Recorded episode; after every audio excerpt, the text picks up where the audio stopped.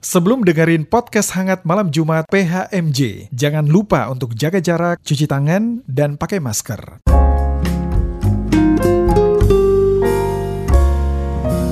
Podcast Hangat Malam Jumat.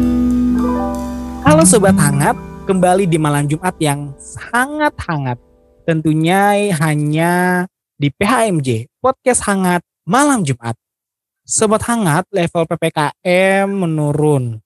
Tetapi kita harus waspada ya, dan tetap laksanakan dan makin meningkatkan protokol kesehatan yang ada ya Sobat Hangat ya. Eh, jadi jangan lengah, jangan ceroboh gitu tapi tetap lakukan protokol kesehatan yang sudah ada. Nah, kali ini PHMJ masuk ke episode ke-72. Ya, kita akan bahas sebuah topik yang menarik. Biasanya kalau Sobat Hangat lihat di covernya itu sudah ada tuh. Dan ada sudah ada orangnya tuh siapa ya? Dan tema kita hari ini adalah tato. Tato di kalangan anak muda nih Sobat Hangat eh, dan di orang tua sudah biasa didengar. Dan yang pakai tato juga pasti ada di semua kalangan, bisa orang tua, bisa anak muda, bisa para remaja mungkin sekarang. Nah, mau laki-laki maupun perempuan pasti pakai tato. Pasti ada yang menggunakan tato. Dan kali ini spesial. Spesialnya adalah kita akan bahas banyak hal tentang tato dan pandangan Kristen tentang tato itu seperti apa ya? Seru ya. Dan malam ini kita kedatangan pemuda Kristen narasumber yaitu di sini namanya adalah Paulus Rizky. Siapa ya dia? Yuk kita sapa yuk. Hai Kak Iki, apa kabarnya Kak hari ini? Oh, kabarnya baik, Baik ya Kak, di Kak Iki ya di sana ya. baik. Wah, oke deh. Nah, mungkin sobat hangat penasaran ya, siapa sih Kak Iki ini? Apakah di jemaat gereja kita? Wah, nanti ya teman-teman eh, sobat hangat ya, kita bahasnya di segmen berikutnya. Nah, dan malam ini kita akan pada- kedatangan juga, terus yaitu adalah Bapak Pendeta Baru Persang yang akan menarik kita dengan firman Tuhan seputar topik yang kita bahas malam ini. Selamat malam, Pak Pendeta Baru Mesang, bagaimana Pak kabarnya hari ini Pak? Eh, malam Kanas, kabarnya baik, baik. Terima kasih. Kanas baik-baik ya. Baik-baik Pak. Oke, Sobat Hangat kita sudah mengenal semua narasumber kita malam hari ini. Jadi jangan ke mana-mana, tetap di Podcast Hangat Malam Jumat.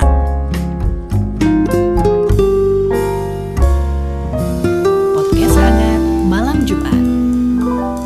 Kembali lagi di Podcast Hangat Malam Jumat. Sobat Hangat, te- tema tato kali ini kedatangan narasumber. Yaitu adalah tadi kita dengar kabarnya baik, yaitu Paulus Rizky. Nah, boleh nih Kak, Kak Iki memperkenalkan diri lebih lanjut. Sebenarnya kakak ini siapa sih? Terus dari mana asalnya, kesibukannya apa? Gitu Kak. Coba. Ya, ha- halo semuanya. Perkenalkan nama saya Paulus Rizky. Saya aslinya eh, campuran ya, Bapak Surabaya, Ibu Sabu Nusa Tenggara Timur. Gitu. Kesibukan saya sekarang tetap dalam dunia seni, industri seni. Eh, tato, eh, mural, terus desain grafis, Terus di sisi lain juga saya bekerja sebagai asisten pribadi sekarang. Itu dah sebuah saya. Oke. Jadi kakak ini eh bisa dibilang sebagai pembuat tato ya kak? Ya betul. Oke. Tapi kayak gini siapa sih kak? Maksudnya kok bisa diundang sih kak di podcast hangat malam Jumat? Saya dapat undangannya dari Ibu Ika. Ibu Ika siapa? Ibu Ika Lia Persang kak. Ibu Ika siapanya kakak? Ibu Ika itu tante saya. Tante, wah sobat hangat. Jadi kakak cukup dekat ya kak dengan namanya tuh tato ya kak? Ya, betul. Saya eh dunia tat tato itu udah menjadi cita-cita sebenarnya semenjak saya ada di bangku sekolah ya, sekolah menengah pertama waktu itu. Sudah ada keinginan gitu dari situ untuk berkarir dalam dunia tato. Menjadi tato artis sih lebih tepatnya. Wow. Gitu. Oke, berarti kakak berarti ini dari S kecil mungkin udah jago gambar kali jatuhnya kayak. Kebetulan karena latar belakang ayah saya ya arsitek. Jadi Wah. semenjak saya sebelum sekolah itu udah diajar-ajarin gambar gitu. Oke, oke, oke. Wah, seru juga nih. Nah, Iya. berarti kakak nih eh kayak di punya studio tato sendiri atau gimana kak? Iya betul saya ada studio tato sendiri di Denpasar. Oke, jadi kakak sekarang tinggal di Denpasar ya kak? Betul Denpasar Selatan. Wow. Gimana kak di Bali di sana kak untuk eh, ppkm dan untuk sekarang pandemi kak? Untuk masa-masa sekarang ini ya Bali benar-benar lagi struggling ya Kak karena kita kita semua di sini kan mengandalkan industri pariwisata kan ya yang Iya, iya. paling domi, paling dominan Benar. karena masa-masa pandemi ini terbatas sekali wisatawan asing yang datang, wisatawan lokal juga yang datang terbatas, jadi ya ya agak struggling lah gitu. Jadi tadi ada penurunan yang kayak gitu ya kak ya? Betul sekali, Wah. drastis. doakan ya- Wah drastis ya kak ya? Dan Ya. kita doakan kak semoga cepat pulih ya kak untuk eh, Bali dan seluruh daerah yang ada di Indonesia. Oke, Amin. jadi kakak ini adalah pe- pembuat tato dan juga kakak pakai pakai tato nggak sih kak? Pakai juga ya? pakai Pakai juga. Nah oke nih seru banget nih. Seru banget. Kita ke eh, narasumber nih kali ini seru. Kita akan eh, korek-korek lagi lagi. Oke kak. Untuk pertanyaan berikutnya nih kak. Kak eh, tadi kan kak studionya di Bali ya kak ya. Terus ya Nah, Kak, menurut yang datang ke Kakak itu biasanya eh, buat yang tato itu kebanyakan orang muda kah atau orang tua kah atau kebanyakan laki-laki atau kebanyakan perempuan kayak gitu, Kak? kebanyakan perempuan sih ya kebanyakan. Ah, serius Kak? Kebanyakan perempuan? Iya, iya. Wah, Tapi Kenapa semua kalangan, semua kalangan sih kak. Dari Oh. tua muda gitu. 70% sih anak-anak muda sih. anak muda ya. Ya, Oke. Jadi eh terus Kak kalau di kita bahas nih Kak untuk buat topik malam ini eh, mau nanya nih Kak eh dari diri Kakak dulu ya Kak. Kakak Iya. sebenarnya itu menurut Kakak punya media eh selain tato tadi Kakak bilangnya punya apa Kak? Mural ya Kak? Mural, mural, grafis desain, grafis desain. eh, custom sepatu, lukis sepatu gitu. Oh, tulis sepatu juga. Iya juga. Oke oke oke. Jadi ini bener-bener pure seni kakak ya, kemampuan yang eh yang kakak punya ya kak. Maksudnya eh itulah kehebatan kakak gitu untuk di sana ya kak. Wah Iya, keren. Betul.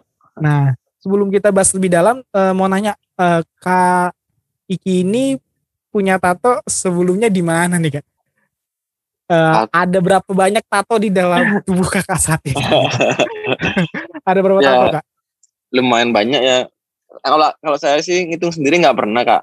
Cuman Iya, ya ya lumayan banyak sih. Tangan kanan ini full. Terus kiri tangan kiri juga ada. Dada, punggung, paha, dua-duanya kaki, dua-duanya leher. Ya Berarti- lumayan lah. Udah hampir seluruh tubuh ya kak ditato ya kak? Ya hampir. Ah. Oke nih kak.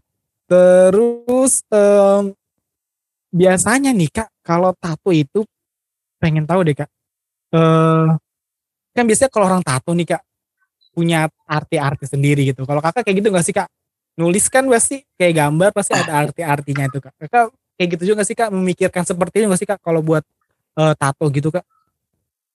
Dari keseluruhan tato saya sih yang yang meaningful yang ada artinya sih mungkin cuman ya 10% lah. Sisanya itu nggak ada dah. Cuman untuk cuman untuk media latihan atau nyoba-nyoba gitu. Oke. Contohnya apa tuh kak? Contohnya kalau ada artinya tuh kak? Kita gambar apa tuh kak gitu? Ada saya punya tato yang paling maksudnya yang paling menurut saya paling berarti ini ada tulisan wisdom, wonderful sama grateful. Itu tiga kata yang berbeda dibikin sama tiga orang yang berbeda, orang yang orang-orang yang penting buat saya. Gitu. Jadi Oh, itu yang paling paling berarti lah buat saya menurut saya gitu. Iya deh. Nah, aku bingung nih. Kakak berarti nah kakak kan yang buat tato nih. Kakak di- dibuatin atau kakak ini apa, Kak? apa kayak eh, buat sendiri gitu kak? Ya, ada yang buat sendiri juga kayak bisa kayak bisa kan di gitu? Iya bisa. Kalau di spot-spot tertentu yang apa bisa kita lihat dan raih sih bisa sih. Kayak di aku aku punya dua tato di paha kanan kiri ini bikin sendiri gitu. Oh, oke Iya. oke oke oke. Wah, keren. jadi ah, kalau yang bagian yang susah itu pasti kakak, kakak minta bantuan orang lain ya kak ya? Iya betul. Temen Oh. gitu. Nah, nah harga tato di kakak itu biasanya berapa kak harganya kak? Sekali kita Kalau- tato gitu kak. Pengen tahu deh kak. Kalau kalau dia kalau di aku atau di pada umumnya gitu. Pada umumnya juga boleh kak pada umumnya. Oh, gini. pada umumnya. Oh iya ya. Kalau pada umumnya sih yang aku tahu yang di Bali ini dan mungkin sebagian besar tempat juga ya itu Hmm. dia hourly per jam gitu. Semakin sulit semakin susah tuh kak. Maksudnya makin lama gitu untuk buatnya gitu kak. Ya, iya betul betul. Semak, Wah, semakin desainnya kompleks, semakin desainnya berwarna, terus banyak detailnya, itu semakin lama gitu. oke oke oke. Kira-kira deh kak. Ada harus Hmm. range harganya dong kak. Kira-kira Oh iya iya. Per Kalau-?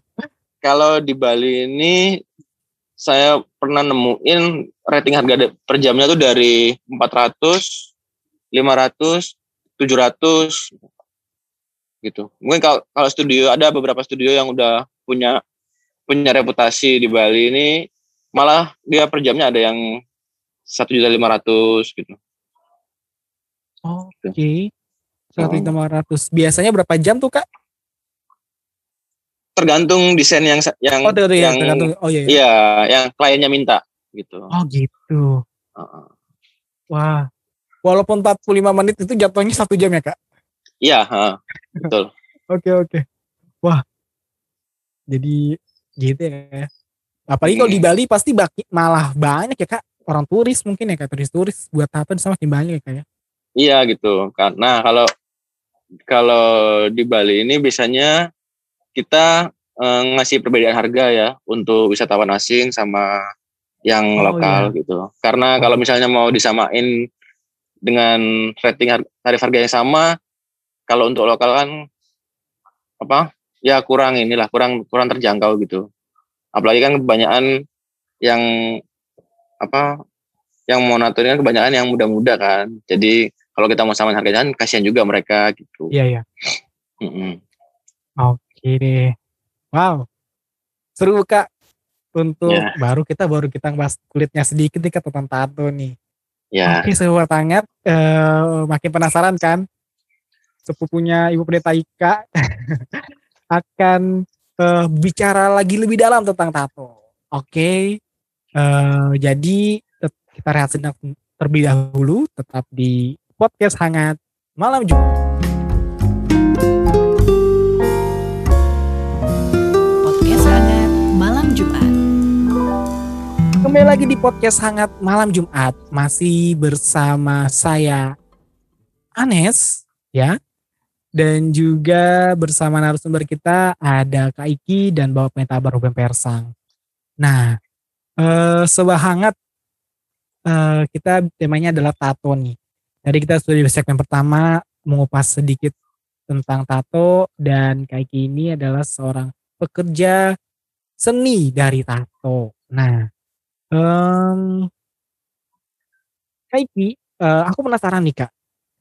Eh, biasanya kan aku taunya nih kak tato itu kan dulu kan waktu SD kan tato dari permen ya kak dari permen iya betul betul. dikorok-korok gitu kan kak gitu tahunya Iya. kan gitu ya kak. Eh, Mm. pengen tahu nih kalau tato beneran nih tato beneran nih kak. Eh, ada berapa jenis tato sih kak? Kan yang bener sih Kak, ada dua gitu kayak permanen ada temporary. Iya sih, cuman dua itu aja.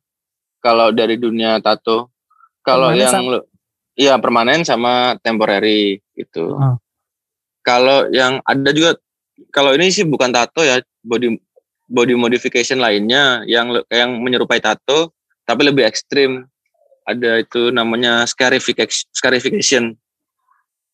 Itu Jadi scarification itu jadi eh dia dia kulitnya tuh kayak dilukain gitu, mengikuti mengikuti pola desain yang Wah, yang dia mau gitu. Heeh. ada kak, ada. ada ada ada. Wow. Wow. Ada jadi di di kulitnya dilukain gitu kak? Iya, dikupas Ah. dikupas gitu kulitnya. Oke. Oke. Berarti kalau yang permanen temporary bedanya apa kak? Kalau kita bisa lihat kak dalam diri, maksudnya yang orang yang bertato kak. Kalau tat perbedaan yang paling jelas sih kalau tato yang temporary itu dia warnanya mengkilap terus lebih terang gitu. Kayak kayak glow kayak glowing lah kayak gitu. Kayak mengkilap gitu. Kalau tato yang permanen itu dia lebih kayak gimana ya? Doff dia. Oh, Kayak nggak ada kilap. Iya, kayak nggak ada kilap kilatan sama sekali gitu. Oke. Nah, eh, tato itu kan pakai jarum itu kak. Sakit nggak sih kak sebenarnya kalau bikin tato itu sebenarnya sakit nggak sih kak? Sakit. Sakit Sakit ya, sebenarnya. Sa- Sakit banget ya. Oh sakit banget kak. Iya, sakit banget. Karena aku pernah lihat tuh di YouTube YouTube YouTube juga sampai ini ya kak keluar darah gitu kan kak ya? Iya, keluar darah pasti itu, Itu pasti ya kak. pasti. Temporary juga di kayak gitu juga caranya kak, pakai jarum suntik jarum itu juga kak. Enggak, beda. Kalau temporary dia biasanya tuh kalau yang paling umum ini pakai apa? Semir, semir rambut tuh Mhm. ada bahannya henna. Terus Hmm. ada juga yang ada juga yang stiker gitu. Itu di di terus gitu kak, bukan? Enggak, kalau kayak yang pakai henna itu dia digambar. Dia berupa kayak tinta Oh. gitu. Heeh. Tinta agak agak kental terus digambarin Hmm. di kulit langsung gitu. Oke. Jadi berarti yang permanen itu cuma yang pakai jarum itu doang Ja- kayak. Jarum. Iya, jarum. Oke baik baik baik. Jadi saya mengerti. Mungkin sobat juga tanya ke tukar tentang tato tuh seperti apa ya pembuatannya Hmm. gitu. Nah, Hmm. eh yang perlu diperhatikan kak saat buat tato tuh apa tuh kak? Sebelum dan sesudahnya kak.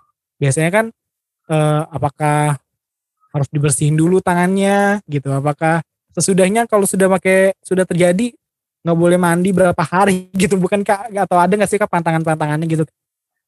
Iya, ada. Kalau kalau kita biasanya itu kalau aku sih biasanya eh, selalu ngasih tahu ke kliennya ini untuk sehari sebelumnya itu eh, jangan ya jangan begadang terus jangan party, jangan jangan ada minuman keras yang masuk ke dalam tubuh gitu.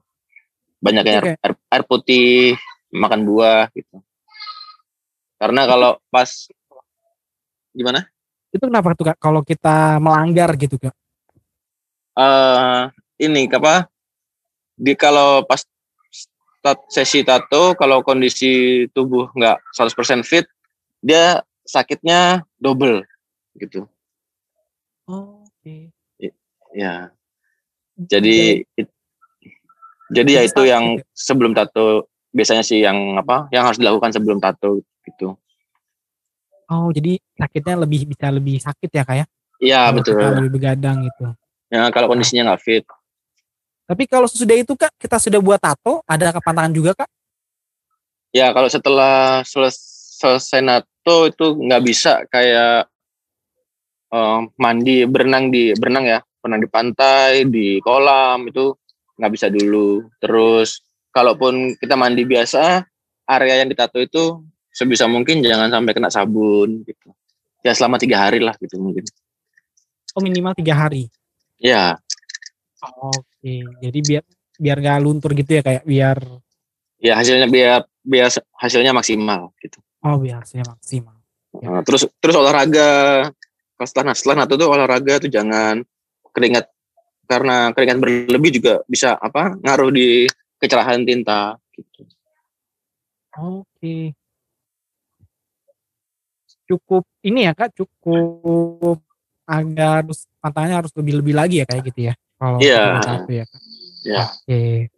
Nah, Kak sekarang kita bicara dari diri kakak nih kayak ya. Iya. Nah, Kak, Kak Iki, eh, bikin pertama buat tato itu yang di dalam tubuh kakak ada yang mana tuh bang? Ya kak?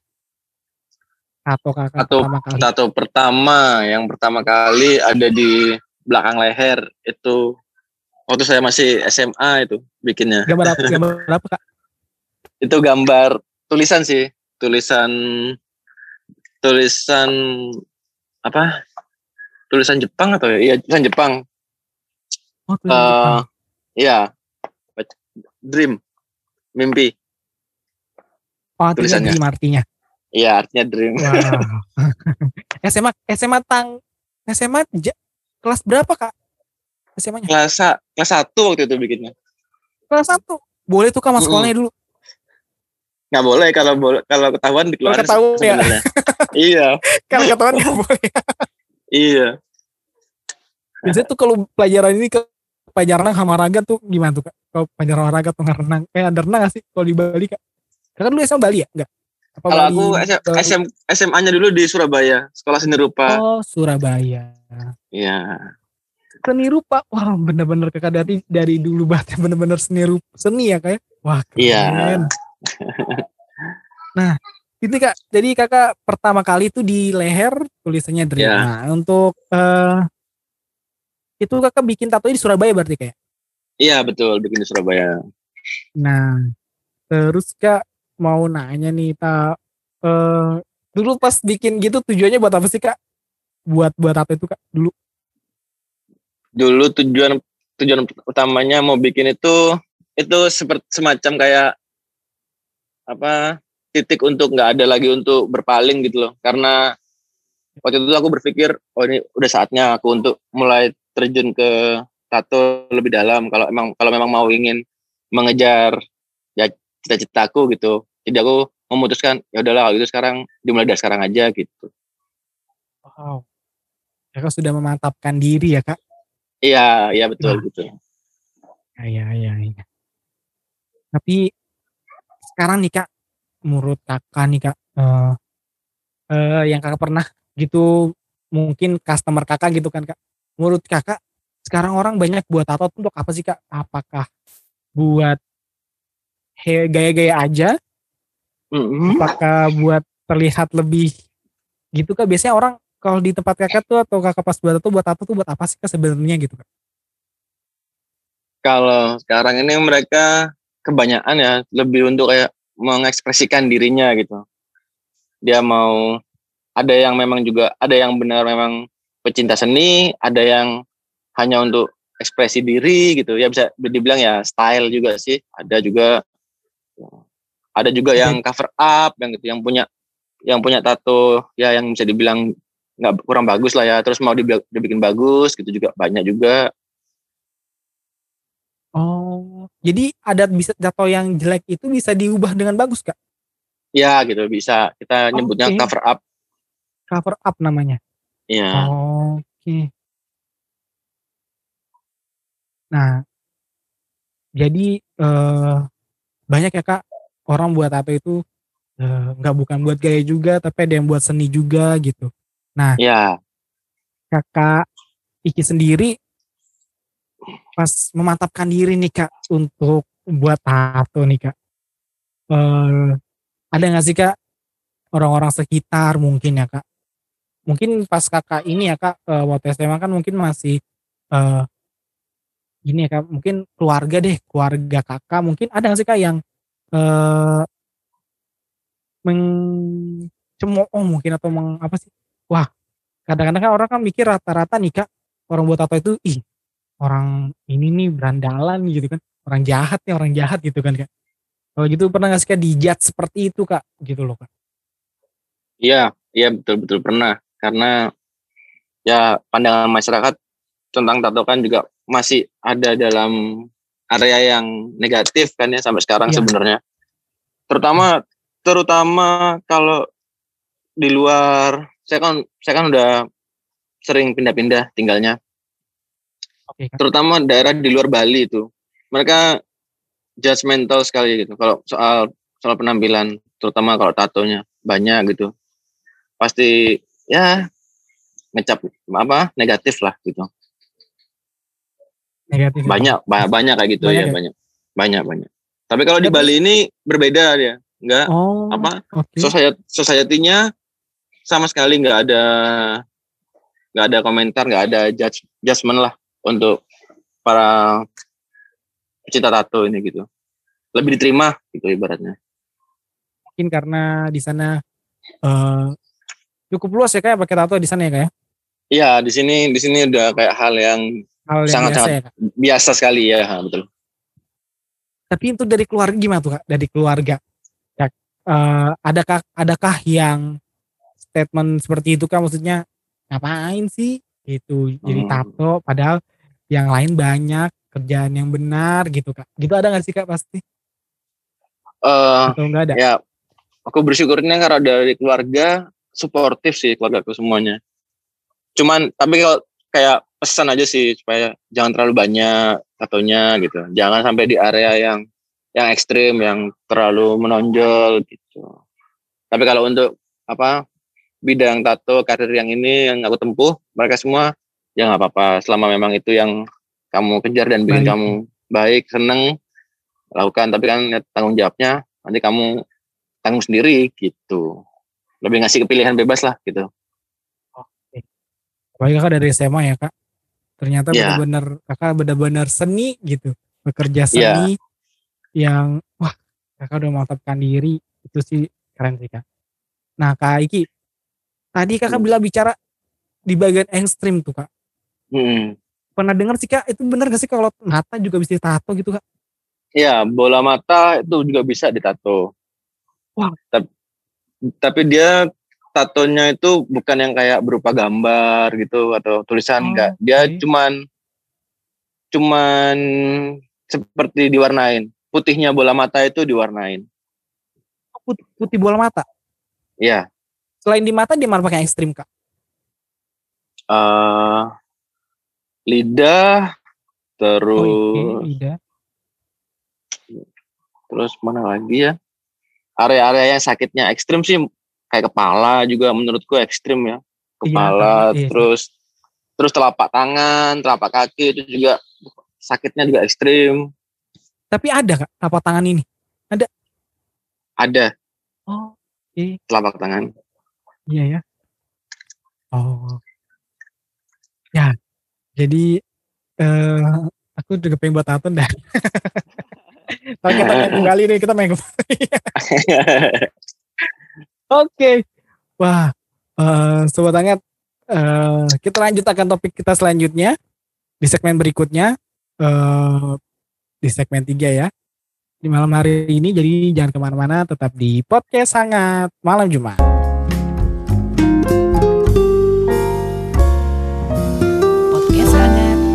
Jumat. Masih bersama kami di podcast sangat malam Jumat bersama dengan Abang Kakak Paulus Rizky dan juga eh, Bapak Tabar Ben Persang yang akan ngebahas tentang tato. Oke, Kak Iki, ya kita lanjut. Sekarang kita ingin lebih ke ini nih Kak. Eh, kakak pernah gak sih Kak gitu untuk eh, ada rasa eh, ingin menghapus tato kakak gitu bakal ada penyesalan. Mau niat gitu kak ada niat wah mau dihapus lah gitu. Kayak gitu. Ada pernah ada perasaan seperti enggak sih kak? Eh, ada sih ada. Kadang aku juga eh, penyesalan juga ada juga penyesalan. Pengennya pengen ngapus juga ada ada rasa juga pengen hapus itu beberapa beberapa tato yang menurutku harusnya bisa lebih bagus gitu. Oke. Terus kalau kalau dihapus tapi kalau eh, dihapus tuh kak itu sakit nggak sih kak?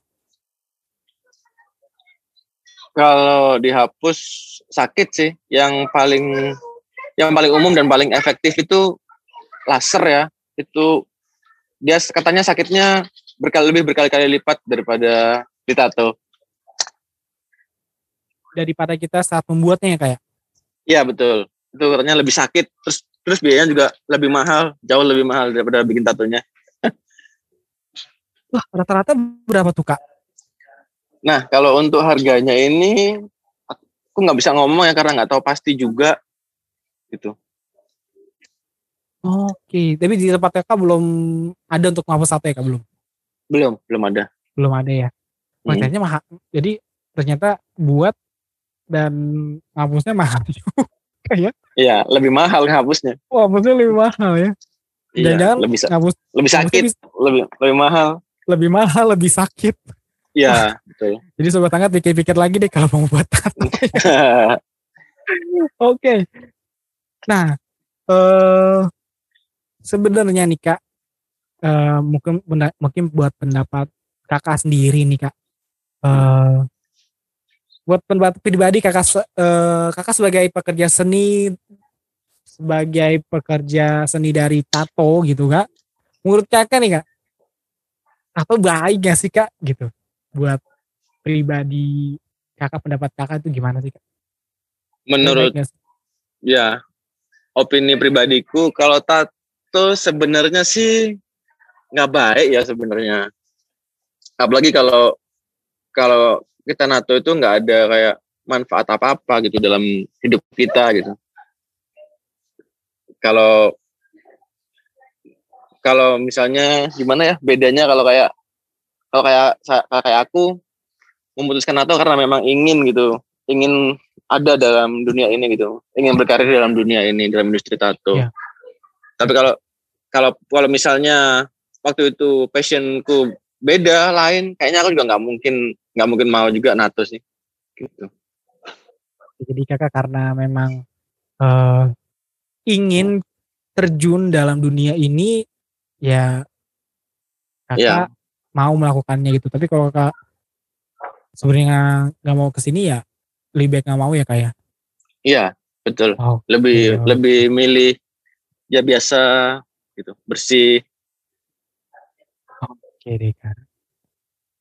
Nah, mungkin kakak mau ada nggak kak eh, pesan-pesan untuk pemuda-pemuda Kristen mungkin yang saat ini menggunakan tato ya kak, eh ataupun yang belum yang yang belum gitu kak, terutama terkait kako ini untuk pemuda-pemuda Kristen nih kak.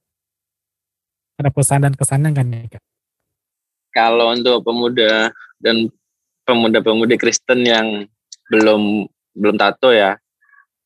Kalau kalian ada rencana tato pikir dulu dah seribu kali gitu. Apa apa gunanya itu buat kalian terus eh, manfaatnya itu juga apa gitu. Kalau misalnya cuman pengen yang hanya sekedar untuk style gaya yang yang yang temporary kan juga bisa gitu. Tapi kalau kalau untuk pemuda-pemuda Kristen yang udah udah ada tato ya ya udah nggak usah nambah lagi gitu Kita nambah lagi ya kak?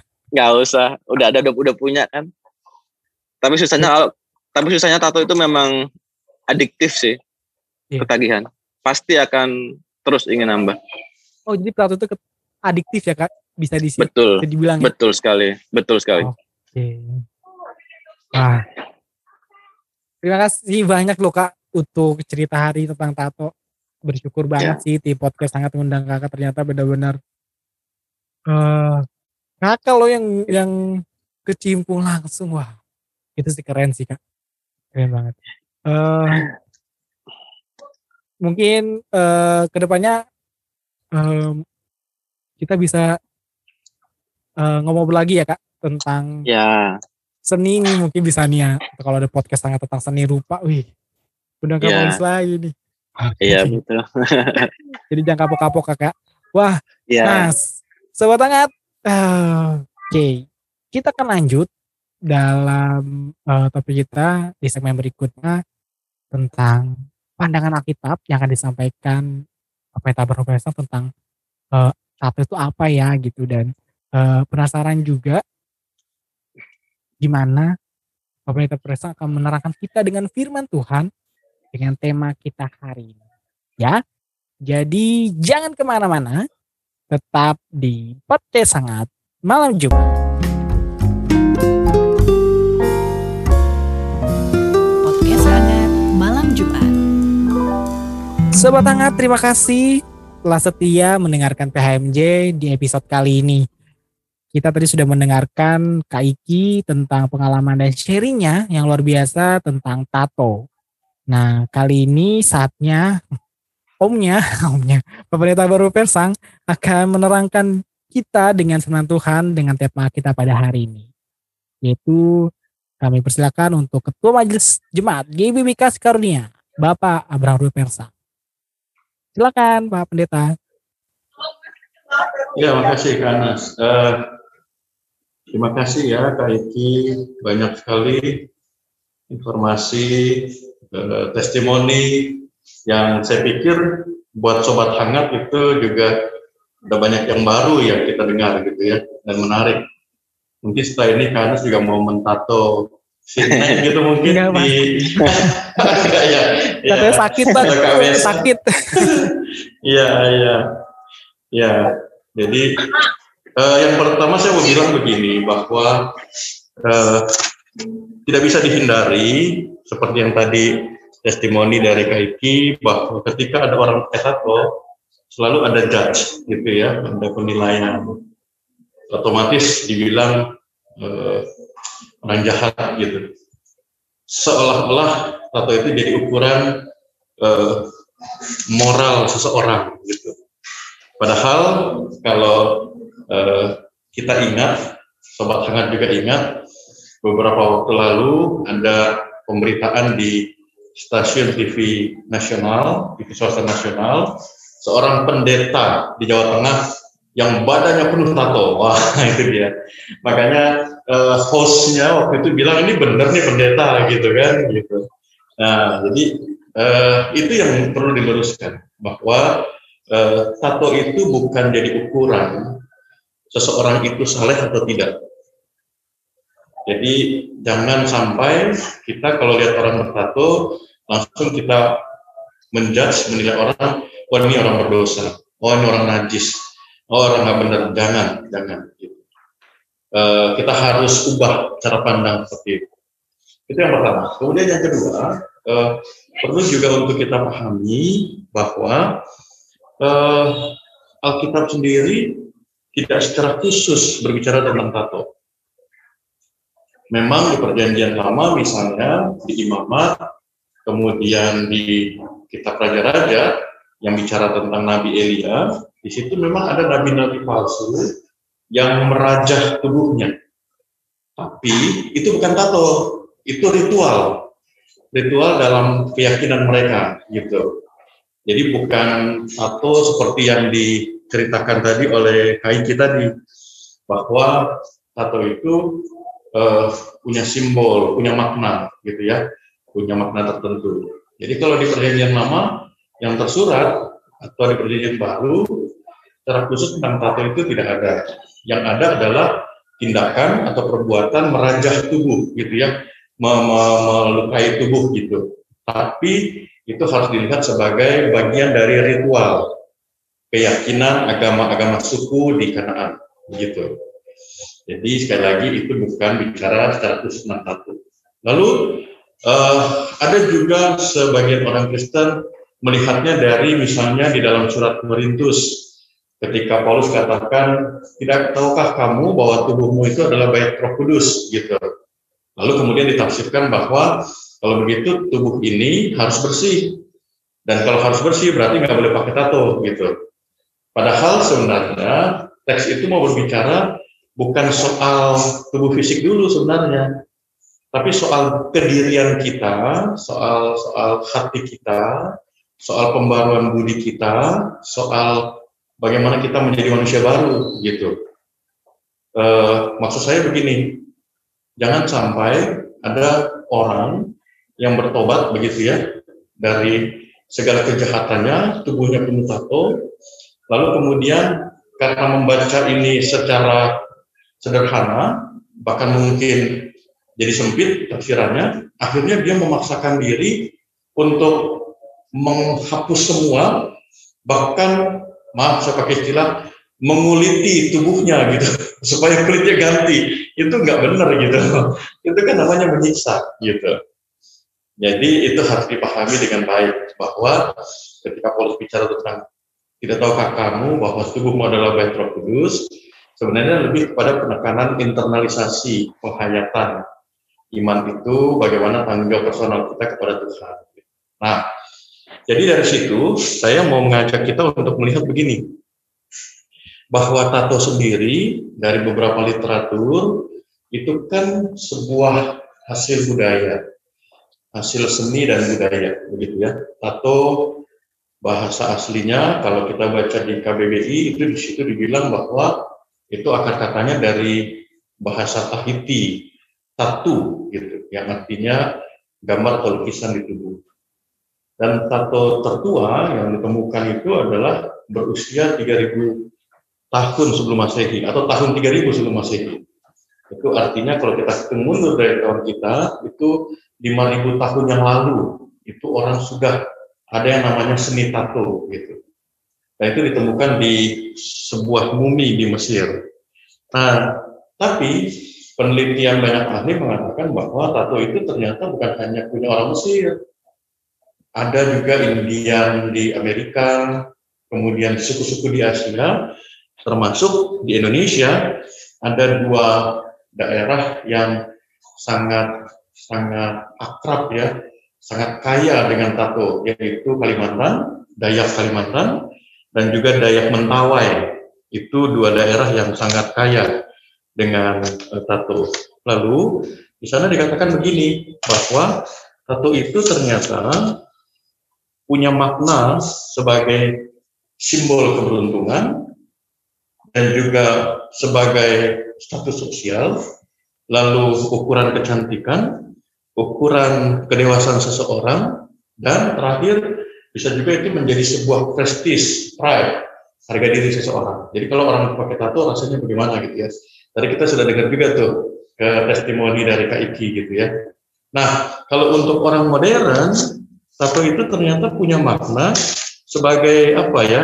Apa se, kalau saya baca dari kutipan Brightside, eh, salah satu artikel mengatakan begini, ternyata kalau untuk orang modern itu tato itu eh, bisa bisa mengekspresikan rasa rasa bahagia, bisa juga mengekspresikan uh, tentang siapa dirinya, rasa individualitas di situ dibilang, kemudian bisa juga uh, mengabadikan pengalaman-pengalaman tertentu gitu. Kan ada juga tuh misalnya uh, saya pernah ikuti salah satu uh, infotainment gitu, ditanya seorang artis apa uh, itu kok ada tato tato gitu. Oh ya ini tanggal kami pertama uh, apa uh, menjalin hubungan. Oh ini tanggal pernikahan kami gitu. Nah itu diabadikan dalam bentuk tato gitu. tapi juga ada juga yang namanya tradisi. Nah dari semua itu yang tadi saya sebutkan uh, sedikit sedikit bahkan mungkin ya sangat sedikit ya tato itu terkait atau dihubung, bisa dihubungkan dengan yang namanya keyakinan atau kepercayaan gitu. Maksud saya eh, dari sini eh, sobat hangat dan kita semua kita bisa melihat tato itu secara proporsional. Jangan jangan kalau lihat orang bertato, wah ini ada kuasa jahatnya, jangan gitu. Wah ini dukun dari mana nih gitu. Wah iki nih dukun dari Bali gitu. Jangan gitu. Uh, jangan gitu gitu ya. Karena hasil penelitian dari para ahli nggak nggak menuju ke situ. Gitu. Nah, bagian berikutnya mau dikatakan begini.